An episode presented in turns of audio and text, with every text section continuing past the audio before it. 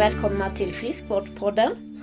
Eh, idag har vi en väldigt spännande gäst som är en coach. Det är Helene Gustafsson från Karisma coaching i Göteborg. Eh, och jag har ju lärt känna Helene genom lite olika affärsnätverk under ganska många år. Men anlitade faktiskt Helene här för något år sedan är det väl. Som eh, då jag tyckte att nej, nu får jag faktiskt hitta lite bättre struktur i mitt företagande. Men det är kanske inte riktigt det vanliga som Helene gör. Du ska få berätta lite mer om dig själv Helene. Mm, det ska jag gärna göra. Ehm, jag har jobbat som coach och diplomerade mig första gången 2007. Och som coach så kan man utbilda sig och det tyckte jag det var viktigt för mig att göra för att man ska ha en slags garanti. Och ICF som är branschorganisationen i internationell organisation kändes viktigt för mig att dels gå vidare i certifieringar och i utbildning och man, man gör väldigt mycket för att man ska ja, hålla sig på topp helt enkelt. Och nu går jag ett ytterligare steg då och ska ta nästa certifieringsnivå inom det här. Så det tycker jag är jättekul, så jag jobbar med coaching i mitt företag på heltid sedan några år tillbaks. Mm. Vad är det vanligaste man vill ha hjälp med när man söker upp dig? Det kan vara lite olika saker men eh, jag har gjort väldigt mycket karriärcoachning för att jag tidigare hade Arbetsförmedlingen som eh, kund när det gäller avtal och jobbcoachning. Mm. Men man kan ju komma med vilken frågeställning som helst för att det handlar ju egentligen om vilka mål man eh, kanske vet att man har eller man vet inte vad man har för mål men man vill komma över ett hinder av något slag för att komma vidare med sig själv.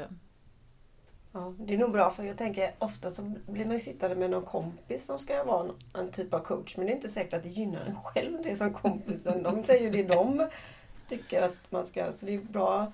Ibland fastnar man ju lite i den här vinkelvolten. Speciellt, jag får för, eller jag, bara för att jag har varit egen så länge så tänker man också att man, men som du gjorde lite Kajsa, styr upp det lite.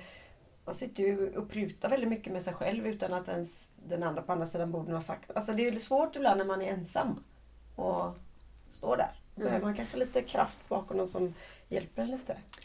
Ja, och det är klart, man, sitter man och pratar med en kompis så är det ju kompisens agenda kan det ju vara som styr också. Att Ja men ska du göra det och nej, men det skulle inte jag vilja för det kanske inte blir bra för mig. Mm, mm. Och Så kompisen kan ju ha ett, ett, eget intresse eller inte. Det är ju väldigt olika då. Mm.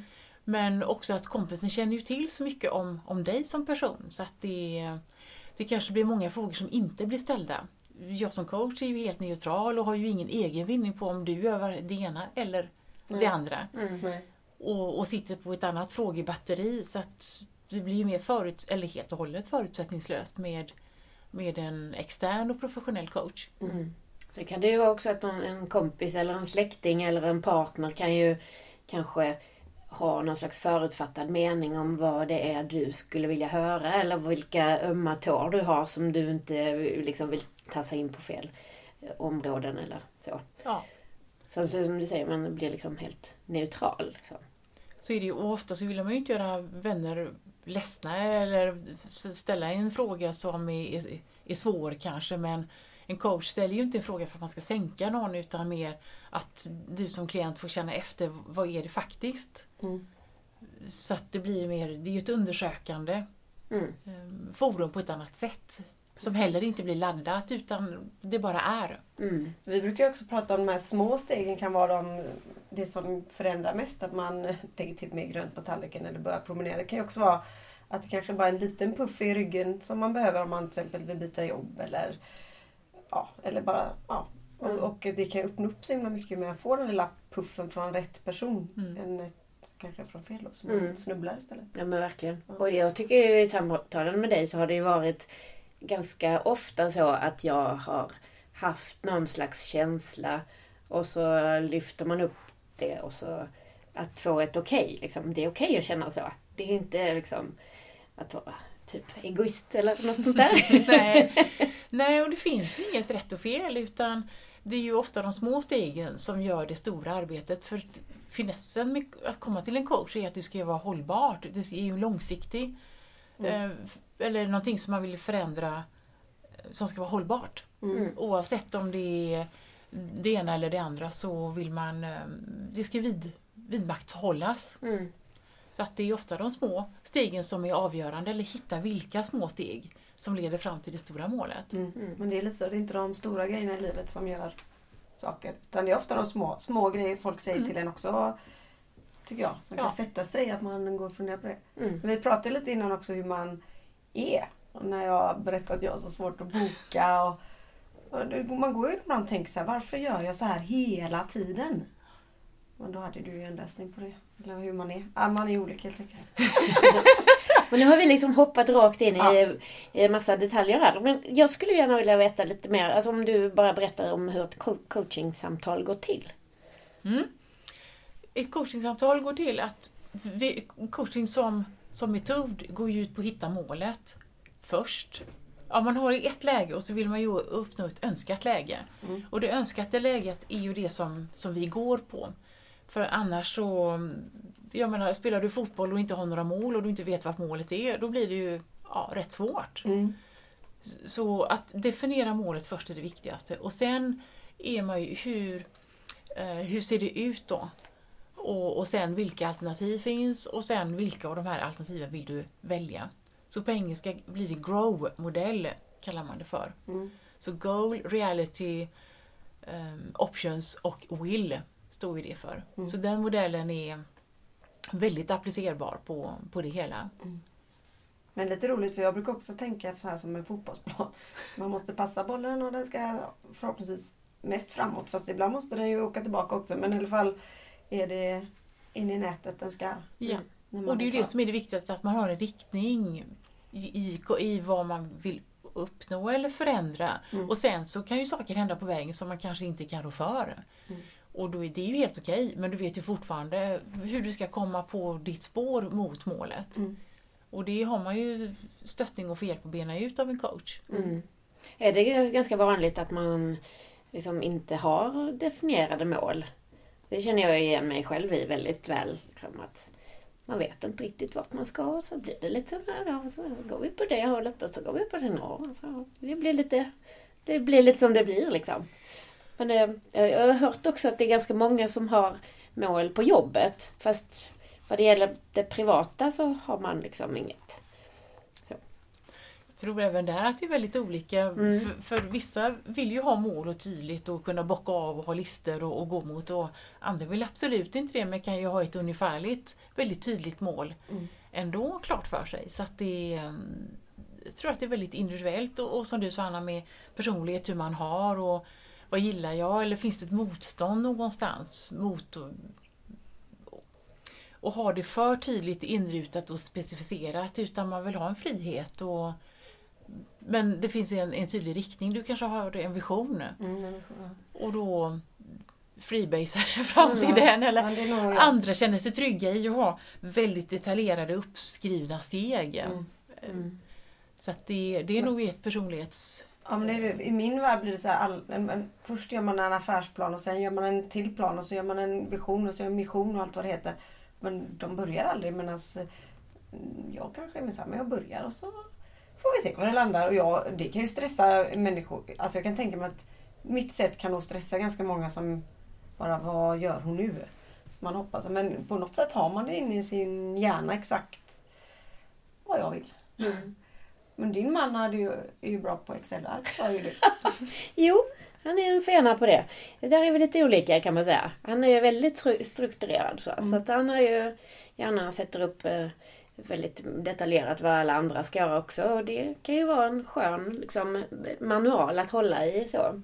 Mm. Men eh, jag kan ju själv känna att jag blir liksom inträngd i ett hörn om saker och ting är för planerat. Tycker det är skönare att ha lite lösa boliner. Ja men jag är också så och då berättar jag inte det för resten av dem kanske alltid. Så jag bara, men det löser alltså, det fat, fattar väl? Nej, jag vet inte. Mm. Ja, det är svårt det här. Speciellt nu när man, tänk på också nu när man ska ut, eh, Olle då ska på gymnasiet. Också hur man coachar sina egna barn och att välja rätt. För ibland kan man ju som vuxen bli påverkad av andra vuxna som man tycker, men alla andra går på den skolan och alla. Men att man verkligen försöker hjälpa dem där så de hittar rätt från början. För själv var jag lite huppig och studsig där kan jag säga. Och det, det blev ju ganska bra ändå. Men eh, för att underlätta för ens barn är det nog bra att man eh, gräver lite där. vad de vill. Jo, men det är nog det viktigaste att barnen får med påverka. Sen kan man ju som förälder ha önskemål och tankar men om föräldrarna driver på vad barnen ska välja brukar ju sällan bli en framgångsstory liksom, utan då blir barnen väldigt pressade. Mm. Så det är roligare för dem också nu när de har möjlighet att välja gymnasium till exempel eller vilken inriktning, vad man, vad man vill gå. Så kanske först hitta vad jag är intresserad av, om, om det är tydligt eller är det inte tydligt, vad skulle kunna passa eller vad kan absolut inte passa. Så att sålla bort saker kan ju också ge ledtrådar till vad man vill behålla. Mm. Och sen var finns skolorna som tillhandahåller det här, de här programmen. Mm. Och ja, Man kan besöka dem, är ju ofta väldigt bra, de här öppna husen som finns. Och Mm. Passar mig en stor skola med, med många eller vill jag gå på något litet mer eh, intimare gymnasium? Det är ju väldigt olika Mm. Ja. och vilka profiler som är där och är man teoretisk eller man är ju i praktiskt läge och, så att man stöttar sin, eh, sin ungdom i, Mm. i de valen för det är ju inte så lätt för dem att veta heller. Nej, och nu finns det ju så extremt mycket. Mm. Det- Mm. När vi var, var det, man gick i den skolan typ man bodde närmast för mig. Ja, Och man läste, det fanns för fem typ grejer Ja. att välja på. Och så Mm. var man väl glad om man lyckades komma in på någon av de fem. Mm. Ja, men precis. Min pappa var väldigt noga med att jag och mina, särskilt min äldre syster, då, vi skulle bli civilingenjörer. Det var sådär bara, Mm. varför då? Mm. Nej, det var ju ingen som blev det kan jag säga. Nej, det ju inte bli så. Jobba med mat och hälsa och reklam och sånt Ja. istället allihopa. Mm. Eh, ja, så eh, det, det kan ju vara lite olika så. Mm. Ja, vad ska man säga? Det som är väldigt eh, syftar till att vara någon slags stöttning och, och uppmuntran kan ju lätt bli en press också. absolut. Och det, är- det är ju det som är med när man är vänner eller anhöriga, att man vill väl men det kanske blir fel. Mm. Så att det är, till exempel med rökning är ju en klassisk Mm. sak. Alla vet att det inte är hälsosamt men det är ju inte bara att säga till någon nu ska du sluta röka. För vill den personen inte eller inte riktigt är tillräckligt på rätt plats för att, att vilja, då hjälper ju inte det utan man mår ju bara ännu sämre. Mm. Men det är ju där man säger inte. Det säger man, så här, man ska inte säga till små barn, man ska kanske inte säga till sig själv heller. Så här, den här veckan ska jag inte äta godis. Alltså jag börjar ju nog på måndagen där och bara, mm, jag är inte värd lite grann. Alltså man, eh, och när jag inte har bestämt om grejerna så går jag inte ens runt och funderar på det då. Ja, så det är ju väldigt, eh, hjärna säger en sak och hjärta, eller vet inte vilka som Mm. hänger ihop. Men, eh, Absolut. ja, men det måste ju komma inifrån det här att man verkligen vill Mm. till exempel sluta röka eller börja springa. Mm. Eller göra en förändring. Det, Mm. ja, det, det måste ju landa hos en själv Mm. att nu vill jag och då är man beredd att se hur kan jag Mm. ta mig framåt då. Mm. Oj. Nu tycker min mage att det var lunchdags här. Klockan är tio över tolv. Jag har faktiskt ätit en banan så att jag ska nog klara mig. Bra. Nej, men jag tänker på det här med hälsofrågor och hälso... Ja, att ändra lite i sin, sin livsstil och så. Mm. Är det extra svårt i de sammanhangen? Liksom när man har någon slags inre eh, liksom, dåligt samvete för man vet att det är rätt eller fel. Eller alltså att man har Många har kunskapen egentligen fast inte riktigt förmår att, att leva så som de vet att de borde. Är det liksom ännu mer aktuellt att ta in en sån som du i de eh, sammanhangen? Det beror ju på hur, hur man är själv, om man vill uppnå sina mål själv eller genomföra de förändringarna. Och det måste ju inte vara gigantiska förändringar vi, vi pratar om. Du nämnde smågodis till Mm. exempel Anna. Och om man känner att ja, men det, blir ganska, det blir mer och mer och mer, någon slags fokus på det, det är väldigt svårt. Men, och till exempel då inte ha det mer än kanske en dag i veckan eller Mm. kanske två, så blir det ju en väldigt stor förändring som egentligen är en liten förändring. Mm. Men det beror på hur man ser det. Så att små steg gör ju stor skillnad. Men jag tror mycket, dels att man ska ha bestämt sig och sen att vara motiverad. Det är det som gör det. Och sen hitta liksom, vad är det jag kan göra som inte blir för stort. Är det liksom realistiskt att springa ett maraton nästa, nästa veckoslut? Bara sådär helt från, från helt otränad Ja. eller hur börjar man faktiskt att ta sig ut? Men hitta, hitta vägarna Mm. till det. För vi är ju vanemänniskor och det tar ju ganska lång tid att bryta en, en vana eller ja, ovana om man vill kalla det på det Mm. sättet. Mm. Men tillägna sig nya vanor, det måste man ge en, en tid och tappar man um, så man glider av lite grann från spåret, då är det bara att kliva tillbaks när, man, Mm. när, jag vet vad jag ska göra. Ja, men det är så. Det är så som vi brukar säga, bara för man missar ett träningspass så har du ju inte förlorat de andra du har gjort utan det är bara på igen. Eller hur? Så att, eh, nej, men jag tänker också det att man, jag tror ibland att, eh, att människor har för stora visioner. Så det blir ingenting. Men om man bara kommer på där, ja men jag börjar med lite mer grönt eller jag börjar gå eller jag börjar det eller vad det kan vara. Mm. Så kanske man bara, åh, då blir det roligare också. Man triggar sig själv att eh, ta sig ett steg till och ett steg till. Men Mm. det är där när man ska gå från noll till hundra. Mm. Det funkar liksom inte riktigt. Men det är kanske det också som gör att man får det är så lätt att få bakslag när det gäller de här hälso eller livsstilsförändringarna.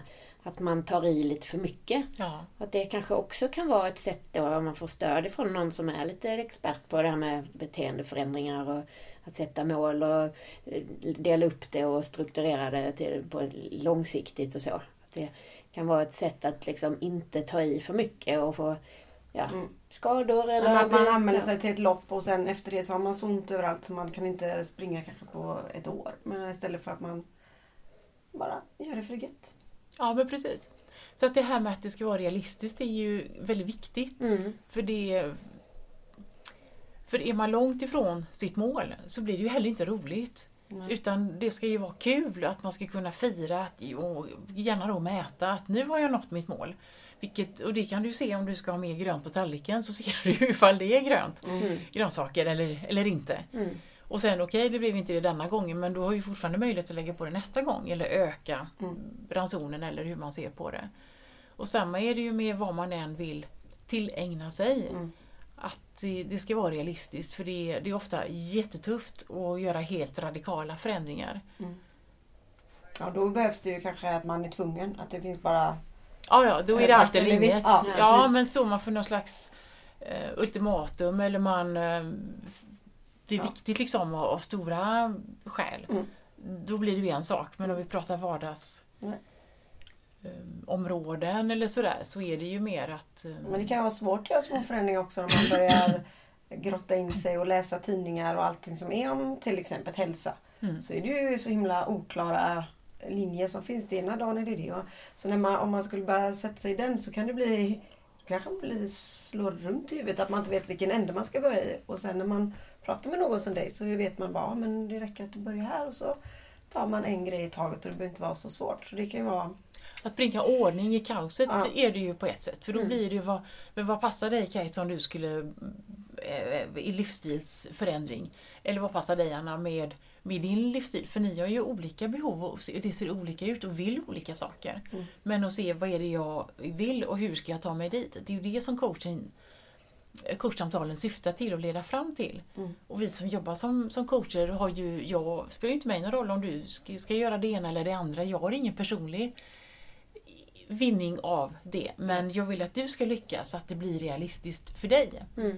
Och lägga upp en plan, vilket du skriver ner den då eller inte. Men där kan det vara inför det att skriva ner vad det är du vill Mm. göra. Mm. Men att ha några riktlinjer att hålla sig till. Att Mm. just det, så här var det ju. Ja, man kan gå tillbaka och titta på det. Ja, så För att man har ju ändå vänner som säger samma sak hela tiden. Mm. Man bara, men... Men då behöver man ju någon som man pratar med för det är väldigt svårt ibland att byta fokus eller den här disken i huvudet ett hack. Man är ju på sitt sätt och har Mm. man kört på ett beteende länge så är det ju jättesvårt att tillägna sig något nytt. Men om man får en stöttning på vägen och kanske också att man kommer på, på flera samtal, vilket ju ofta behövs, Mm. så checkar vi ju av, var är du nu? Hur långt har du kvar till ditt mål och vad är det som gör att, att det inte funkar? Mm. Eller vad är det som gör att det funkar? För det är ju roligare att se vad som funkar. Mm. Och vad man bygger på sin framgång och är lösningsorienterad. Och lägg inte fokus vid när du inte lyckas utan lägg fokus när du lyckas. Så att det blir positivt, det ska ju vara kul. Ja, det måste vara kul. Mm. Det har vi ju ändå Mm. Det, där är vi på helt Ja. samma spår. Ja. Ja. Men kan det kännas ibland, eh, för jag, när jag har jobbat som dietist och tagit emot eh, enskilda personer som vill ha hjälp med sina kostråd och sådär. ehm, Så är det ju många gånger de liksom säger att ja men ge mig listan. Eller kan du göra en matsedel till mig? Och så här, men jag jobbar inte så. För det måste utgå ifrån dina preferenser, din livsstil, hur du lever och vad du vill. Liksom. Mm. Eh, Och det blir lite som att eh, ja, folk vill ha liksom en slags bruksanvisning. Och jag tänker att du jobbar ju lite på samma sätt, att man måste ju liksom hitta sitt sätt att, att göra det på, så att säga. Men kan du uppleva ibland att folk är lite frustrerade på det? Att du inte vill säga att nu gör du så här? Ja, det, det upplever jag ju. Och coacher, vi ger ju inte råd. Nej, precis. Utan i coachsamtal så bygger det på att vi vet att du har din egen kunskap men du har inte liksom riktigt tillgång till den. Så Mm. vi hjälper ju till med nycklar. Vill man ha råd, då går man till en expert av vad det nu kan vara för någonting. Mm. Och, och Till exempel om man har diabetes kan jag tänka mig Kajsa, att då, då vet du att du ska äta så här. Men på ett ungefär. Mm. Eller vilka livsmedel och på vilket sätt som styr, och hur man gör det exakt. Mm. Men vi jobbar ju inte med den typen av manual. Mm. Men det som blir att du får en egen anpassad plan som du själv tar fram och sen om du vill skriva ner den då blir ju det din skriftliga handlingsplan. Mm. Så du får ju någonting med dig men vi tar fram det tillsammans. Mm. Är det några särskilda så här verktyg som du alltid använder på alla du träffar? Eller, eller tar du fram liksom ur verktygslådan som passar just den här gången? Alltså? Ja, det är klart att jag anpassar men det som det, som det bygger på är ju att klienten berättar och vill göra en förändring. En person som kommer mot sin vilja, då är det mycket svårare. Då måste man ju se var finns motståndet eller är man eh, kanske på ett företag om, om chefen tycker att du ska göra en förändring. Då kanske man sitter i en annan situation än när man söker, nu skulle jag vilja det här men jag kommer inte framåt. Men den viljan att göra en förändring är ju avgörande och att man också får självkänsla i, i sig.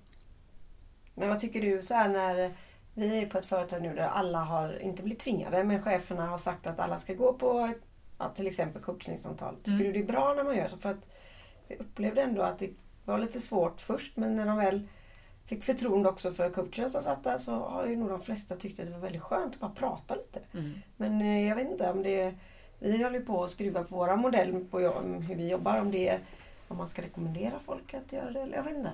Vad tänker du? Det är ju...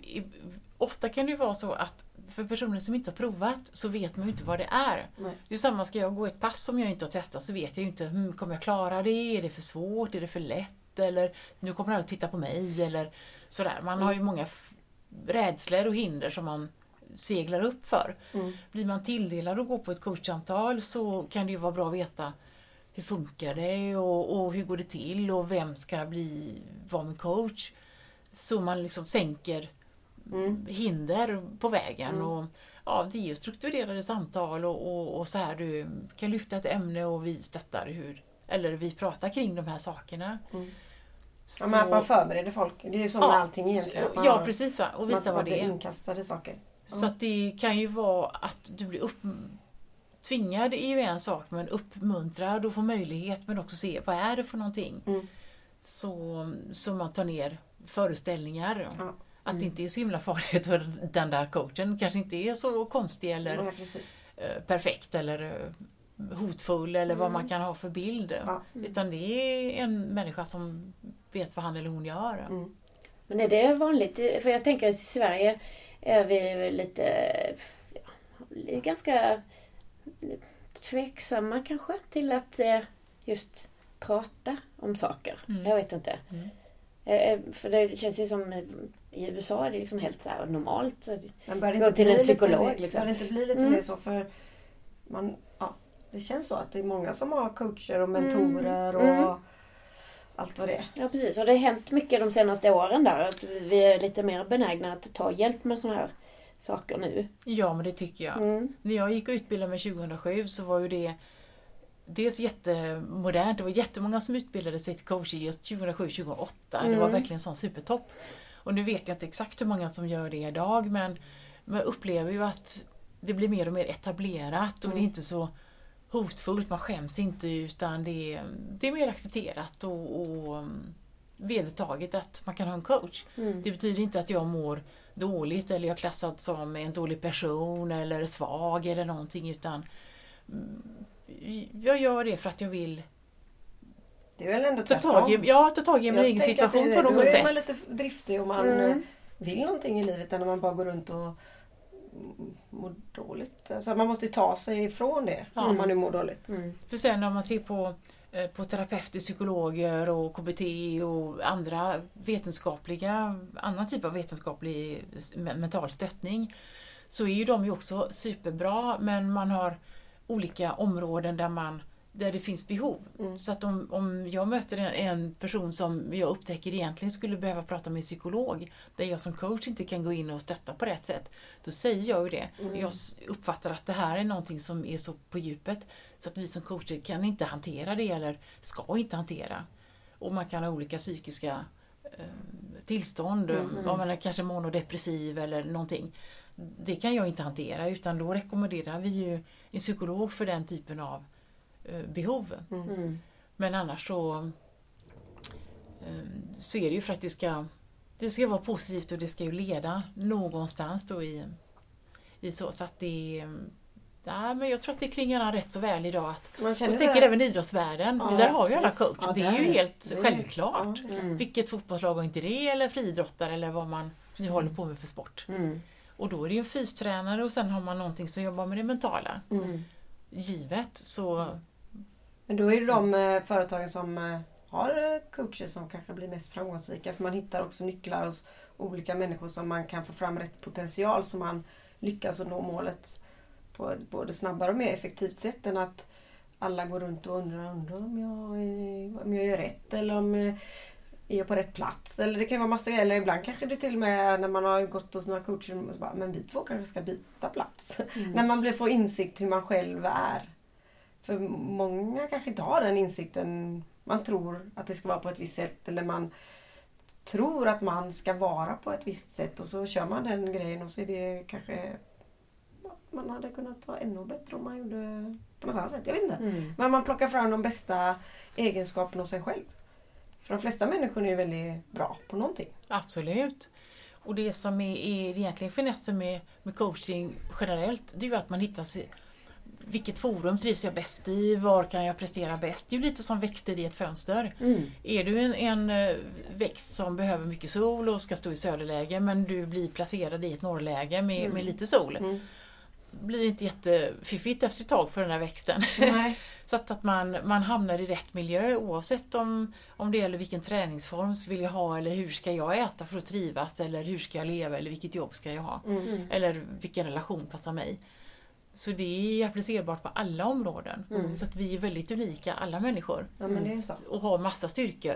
Och de kommer ju fram i gynnsamma miljöer. Men sitter vi trängda, eh, missgynnsamma eh, platser eller positioner, då, då blir det ju någon helt annan. Mm. Men sen är det också att det händer grejer i ens privatliv som man kanske inte vill säga på jobbet men som påverkar jobbet. Men man kanske, om man eh, kanske skiljer sig eller barnen. Alltså det är ju grejer som inte... Antingen så pratar man om det på jobbet och då får man en, en coach som sin kollega som kanske inte är. Så man bara pratar och pratar. Ja, Så det bara tar tid eller så går man och håller det inom sig och så blir man bara kanske ledsen. Så det är bra om, nu när ni som lyssnar på det att man har en tillgång till att man kan få att man tar upp det i på ar- arbetsplatser för att det behöver ju inte bara vara att man ska tjäna mer pengar till företag, eller det blir det väl ändå. Men eh, ni fattar vad jag är ute efter. Mm. Att det finns någon man kan ringa för ibland behöver man bara snacka lite. Och att det inte är då att man behöver gå ner på djupet kanske som du säger att vi ska ligga i seans och prata om barndomen utan man kanske bara vill, man kanske bara vill ha lite tips. ja. Så det inte blir sådär jobbigt kanske. Ja men precis. Och sen om, om alla mår lite bättre så blir ju samarbetet mycket bättre. Ja. För att alla de här kugghjulen i maskineriet löper på på ett smidigare sätt. Man slipper den här friktionen och ja, Mm. saker som gör att det... Jag tänker också så här, nu, gud, nu avbröt jag dig. Nej, Men jag ser att vi måste byta batteri. ja, men vi pratade ju innan om att, eh, ja men oftast att cheferna får coachning och mentorer och stöttning och vi, eh, eller vi, ja, alla de som är kanske lite lägre ner på hierarkin eller vad man ska säga, får mindre. Medan för arbetsplatsens skull kanske det har varit, eller i, alla ska ha det. Det är att man kan välja att få, när det händer saker eller man behöver lite hjälp. Mm. Jag tror ju också att det ökar ju resultatet markant. Dels också för att man kanske förstår varandra. Om jag är lite sur på, på personen i rummet bredvid mig eller mitt emot eller hur man nu den som man jobbar i samma team som. Men om vi, man kan förstå vad det är som, som gör att jag stör mig eller blir arg eller irriterad så, så är det ju lättare att, att, att se bortan, bortom det. Mm. Så att man kan dra nytta av varandras fördelar för alla är ju väldigt olika och gör olika saker på olika sätt. Mm. Men om jag kan förstå att det är okej att du gör på ett annat sätt för att jag vet att resultatet blir bättre så kan jag ju slippa lägga massa negativ energi på det.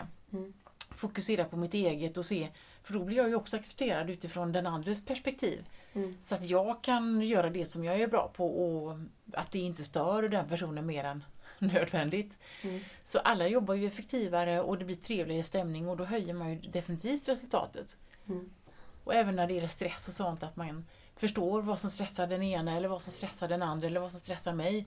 Så kan man ju hantera det. Mm. Och också må bättre och ja, kanske slippa rätt så mycket korttidssjukfrånvaro. För på företag så är det ju mycket Mm. sånt. Mycket på grund av stress Mm. som ju också kan orsaka eh, dålig sömn och att man blir trött och sliten på jobbet helt enkelt. Så att den här negativa spiralen växer sig stark. Mm. Så kan man bryta den så blir ju det någonting helt annat. Mm. Ja, men att man vet vad de, ja, hur man kan hjälpa sin kollega eller hur man själv kan ja, Att man Mm. pratar om det helt enkelt. Ja. Mm. Och lyfter varandra istället för att och bli medveten om att göra det aktivt. Mm. Några kanske gör det spontant men eh, om, om alla tänker på att hitta rätt fokus så blir ju det väldigt stor skillnad och trivsel ökar och, och folk mår bättre. Det kostar ju fantastiskt mycket mindre för företagen. Mm. Mm. Verkligen. Jag tänker också att om, om man inte har någon slags rättvisa i förmånsutbudet så tror jag att det kan skapa otroligt mycket negativ energi och avundsjuka. Mm. Och liksom, jaha, får han det och vad får Mm. jag? Liksom, jaha, jag fick en tandborste och han fick liksom en golfresa. Det var ingen skillnad på den alls. Men ehm, det, ja, ja, Mm. eh, det är också väldigt viktigt att man har liksom en slags eh, gemensamhetstänk i, de här aktiviteterna man gör på företag också med, med typ lopp kanske. Eller, jag, jag har ju varit inblandad i, i när, när chefer åker till New York och springer maraton till exempel. Mm. Eh, om man har lite sådana Ja, om inte alla får samma erbjudande så blir det ju lätt ett vi och dom-tänk och, Mm. och liksom inte nog med att då man tycker att man är lite utanför den här gruppen som är så himla duktig och hurtig och aktiv och springer på lunchen och sånt där. Inte nog med att jag är utanför det sällskapet men dessutom så mm, liksom ses det, alltså man kanske har en bild av att det ses med lite onda ögon på att man inte sköter sig liksom. Mm. Mm. Så man får inte åka till New York. Nej, det får Nej. man inte heller. Nej men att det, det tror jag att där är det många som har en, en viktig roll liksom, i det Mm. här. Att, att kommunicera kring de här frågorna på ett bra sätt. Mm. Så att det inte skapar ännu mer dåligt samvete och pekpinnekänsla. Liksom. Ja, och sen att det finns olika saker. För om några är triggade av att springa så kan ju andra vara triggade av någonting annat. Mm. Och att det finns med i erbjudandet också då, om det, om det finns något erbjudande. Ja, men när man gör vänder en- sig brett. Men när man gör en kick vi ska in på ett annat företag nu som skulle ha en kick-off där de får ha de har tagit in ganska många olika grejer så man får välja på plats själv vad man vill göra. Mm, Det kan mm. vara ja, men jag vill springa, men jag vill gå på yoga, jag vill eh, måla liksom. Så att det finns någonting som Ja, för då kan man också hitta synergier att eh, helt plötsligt så målar man med någon som man inte visste. Ja, men att man hittar öppningar i eh, gruppen. Så det inte är så här att men helt plötsligt så är det helt andra människor som umgås man bara pratar med varandra. Mm.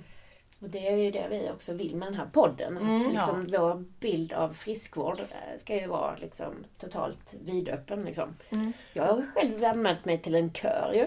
Så det Ja. börjar här med ett par veckor ska jag börja sjunga i kör. Det är också lite friskvård. Mm. Mycket friskvård skulle jag Mm. säga. För det är ju både faktiskt, det finns ju forskning på det, liksom vad som händer hormonellt i kroppen och Ja. att liksom Sjunga. få musik och, och sådär. Ja, det blir nog jättebra. Ja. Det ska vi köra ett avsnitt om det tycker jag. Ja, Någon gång jag framöver. ska inte med, då får jag stå långt bak. Ja, men det är sån här Allan kan sjunga kör. Ja. Allan kan sjunga. Alla lät kan sjunga. Ja. Nej men att eh, det är ju inte någon sån uppsjungning. Men det tror så. jag, det är väl många som säger det. Jag har lite kompisar som har gått i kör som det är så här, man blir helt så här euforisk. Mm. Och man gör det tillsammans. ja, ja Så precis. att det är, ja, tillsammans är ju kul. Mm. Det är mycket roligare att springa i grupp. Mm. än springa själv kanske. Ja, och jag tänkte på det som du sa Anna med, med att man kan välja olika mm. aktiviteter och det blir nya konstellationer bland medarbetare till exempel. Mm. Och det är ju en superfiness att kunna sitta och upptäcka nya saker om en medarbetare som du har känt kanske under många år och jobbat med. Men det här med måla så kanske någon är, är, har gett oanade talanger men det har aldrig kommit fram för att det har alltid varit löpning eller bowling mm. på, på aktiviteterna. Men när det kommer upp nya så ser man nya sidor av varandra. Mm. Och det är ju så coolt att lära känna någon på ett annat sätt. Mm, eller precis. utanför den vanliga ramen. Mm. mm. Ja men det är det. Mm. Jag hade en intervju med en företagsledare för ett tag sedan som menade att eh, man skulle låta Eh, medarbetarna liksom umgås i olika rum. Det tycker jag var en ganska fin beskrivning. Att liksom, visst, vi ska ha after work och vi ska ha liksom, ja, sån, typ lite partyaktiviteter.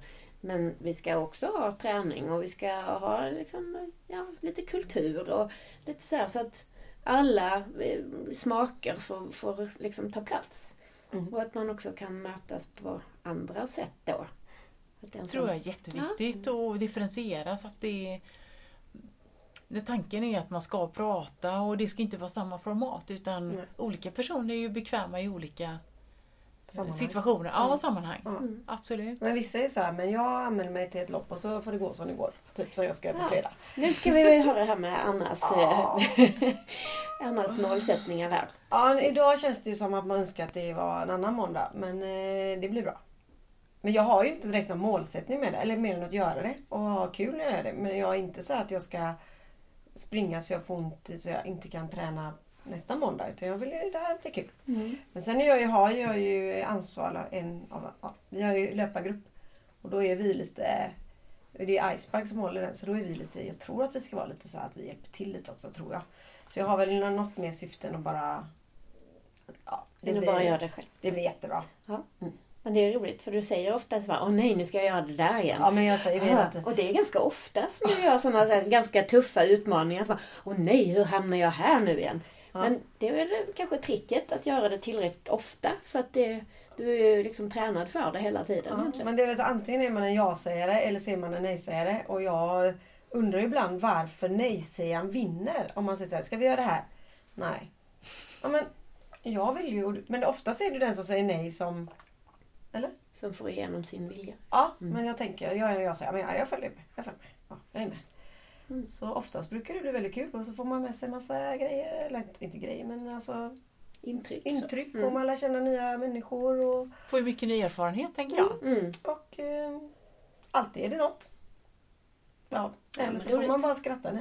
Lycka till med detta så får du berätta mer om det nästa gång då. Det ska jag. det kommer bli vackert i alla fall. Det är det ja. jag. Och så hoppas jag på någorlunda väder. Det ser väl sådär ut tror jag. Precis. Ni skulle springa längs med västkusten uppåt mm. Fjällbacka. Ja, Smögen, Hunnebo, Bohus-Malmön, Kungshamn. Ja, mm. Där kommer jag hänga hela helgen. Härligt. Mm. Så du får fokusera på utsikten då, för det är ju jättefint där. Ja, så det... jag ska få bra vyer. Mm, mm. Fantastiskt. Ja, lycka till säger jag. Ja, Men om man vill ha kontakt med dig Helene, vad gör man då? då? Mm. Det är jättelätt att få kontakt med mig. För dels så kan man ringa mig eller så titta på min hemsida. Och den heter? Och då är det www.karismacoaching.se och karisma med C. Mm, just det. Så karisma coaching. Så om det är någon företagsledare som lyssnar, nu ska vi eh, mejla Helene, ska hon jobba här ett halvår med alla våra medarbetare så kan du det. Ja, självklart. jag gillar också utmaningar. ja, precis. Men vi, ska, vi tänkte vi skulle avsluta lite med några så här riktigt konkreta tips. Mm. Vad är dina bästa tips? För att det ska vara realistiskt så tänker jag så här, tänk efter vad är det du vill förändra och, och sätt ett realistiskt mål. Och det kan ju vara visioner på lite längre sikt. Så det kan vara lite mer storslaget. Men för att det ska vara hyfsat i närtid realistiskt. Och känn efter vad det är du vill. Och egentligen om du personer i omgivningen försöker, nej men det ska du väl inte göra. Gå på din egen inre vilja. Mm. För då kommer du bli av. Så att lyssna till dig själv mm. och se vad behöver jag för att det här ska vara genomförbart. Behövs det någon ekonomin eller behövs det någon stöttning eller kan jag ha en kompis som stöttar mig eller kan vi göra det ihop eller någonting? Men också då ta, kolla med kompisen ifall den har samma mål. Eller om man har liknande, men- eller man är öppna med vad är det vi vill ha ut av varandra. Mm. Så en realistisk målsättning och sen titta efter vad behöver jag för att komma dit? Det tror jag är det viktigaste. För sen är det ju mer hur, hur, ska, jag, hur ska jag göra då rent praktiskt? Mm.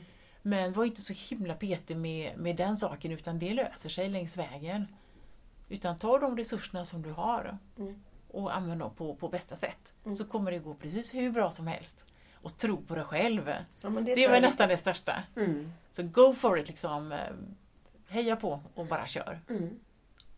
Ibland är ett tips, jag är inte coach men ett tips är att berätta för alla andra vad man ska göra. Då måste man göra det. Typ Mm. jag har anmält mig till ett lopp, då är det så här svårt att hoppa av. Mm. Eller om man ska byta jobb eller vad man nu. Mm. Ja, nu ska jag. Precis, men det där med resurser är ju otroligt viktigt. För det, det möter jag ju hur ofta som helst. De här som ska antingen sätta igång med att träna mer eller som ska ändra matvanor. Eh, att man, man vill det på något sätt men man är inte riktigt beredd på att ta reda på vad behöver jag ha för utrustning eller för förutsättningar. För man kan ju inte liksom bara tro att saker och ting bara ska gå att ändra utan att man ser till att förutsättningarna finns där. Man får en plan. Ja, och tänka ut och, liksom se vad är det jag behöver anskaffa eller byta ut eller ta bort eller Precis. förändra för att jag ska nå mitt mål. Mm. Och jag är beredd att göra det här, ja men då är jag ju motiverad. Eller känns det för, för stort? Ja men då kanske jag får titta på mitt mål igen. Är det är det, det målet jag vill ha? Det behöver ju inte vara fel men det kanske är, man ska skala av det eller ta något närliggande mål först. Eller trestegsraket brukar jag tänka. Ja, Om jag gör det här, då kommer jag kunna göra det här och då blir det det här. Precis. Att man inte ser eh, start och mål i ett utan man kan ha del. delmål. Ja Mm. men så är det ju. Att man För det är ju behöver... så här med mitt lopp nu i helgen, det är ändå tre dagar. Så Ja. då är det en dag. Ta en dag i taget. Mm. En dag i taget. I somras i vår vandringsprocedur där så var det ett steg i taget. Mm. Okej, och så till den stenen. Och så till den stenen. Ja men det är ju så. Det är ju så att man, när jag tränar själv, att vet jag att jag ska göra 250 repetitioner av någonting så känner jag, åh, jag blir ju helt matt och tänker det kommer ju aldrig att gå. Men om jag bryter ner det och tänker okej jag tar 10 i taget eller jag tar 5 i taget. Mm. På något mentalt sätt så blir ju det en helt annan grej. Och fokusera på det jag gör nu och inte tänka hela passet fram till Nej. exempel. Nej. För annars hade jag inte orkat det. Nej. Mm. Men Mm. vad tror ni? Ja, Vi är så glada att du kom Helene. Precis. Fick vi lite bra tips. Tack så jättemycket för att jag fick komma hit. Mm. Härligt!